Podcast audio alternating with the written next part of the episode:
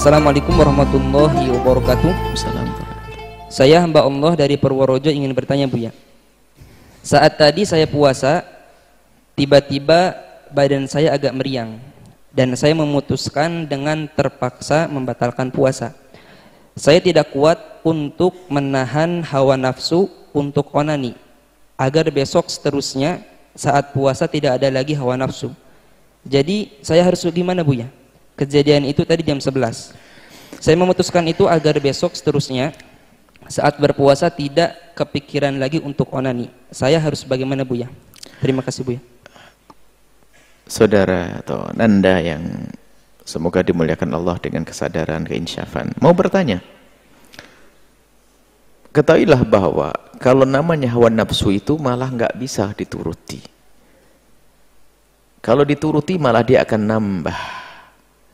Satu-satunya cara hawa nafsu itu dilawan.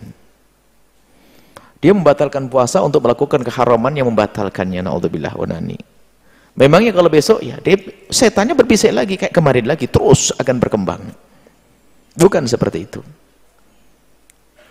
Jadi ya, tetap berpuasa dan sebagainya. Usahakan puasa, bahkan puasa yang takut pada Allah, sering baca Al-Quran, jaga wudhu dan seterusnya. Ya enggak? Jadi jangan, kalau seperti itu malah enggak akan beres. Karena hawa nafsunya dituruti. Kalau hawa nafsu dituruti itu adalah katifli. Sampai tua pun dia akan nyusu. Terus dia akan akan merusak. Tapi kalau sudah dilawan, enggak. Oh, enggak bisa. Harus selesai puasa. Nanti lemah sendiri hawa nafsu, puasa enggak akan menggoda Anda. Kalau urusannya urusan syahwat Anda yang bergolak, ada pintu halal yaitu menikah. Saya tidak tahu umur Anda berapa. Menikah, cara halal ada mudah menikah. Yang repot adalah cara berpikir tentang pernikahan. Itulah yang mempersulit pernikahan. Padahal pernikah bisa dipermudah. Nikah Anda insya Allah. Kalau mengurusan syahwat Anda berkolak kuat, takut zina dan sebagainya. Menikah dengan mudah. Asalkan Anda serahkan kepada Allah jangan ngatur aku harus nikah dengan dia kalau tidak dengan dia saya tidak mau itu namanya anda mempersempit sesuatu yang lebar akhirnya betul kata pepatahnya orang bingung dunia seluas daun kelor dulu calon banyak kok pusing ya dan takutlah kepada Allah. Takutlah kepada Allah.